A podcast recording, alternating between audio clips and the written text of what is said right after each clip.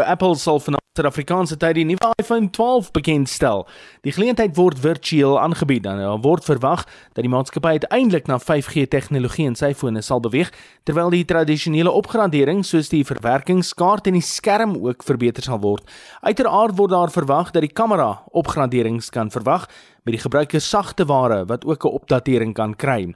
Die aankondiging vanaand is die eerste opdatering van die iPhone sedert 2017 se X-model met 53 mense in die VSA wat in 'n peiling aangedui het dat hulle na die nuwe weergawe sal oorbeweeg, maak nie saak wat die inhoud van die foon is nie. En jy sien gereeld die advertensies op jou Facebookblad, Homescape en Gardenscape.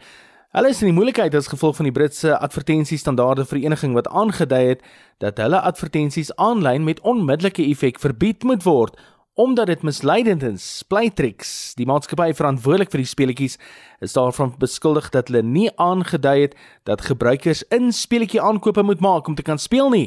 En dis is die besluit dat hulle advertensies verbied moet word deur die Britse advertensiestandaarde vereniging.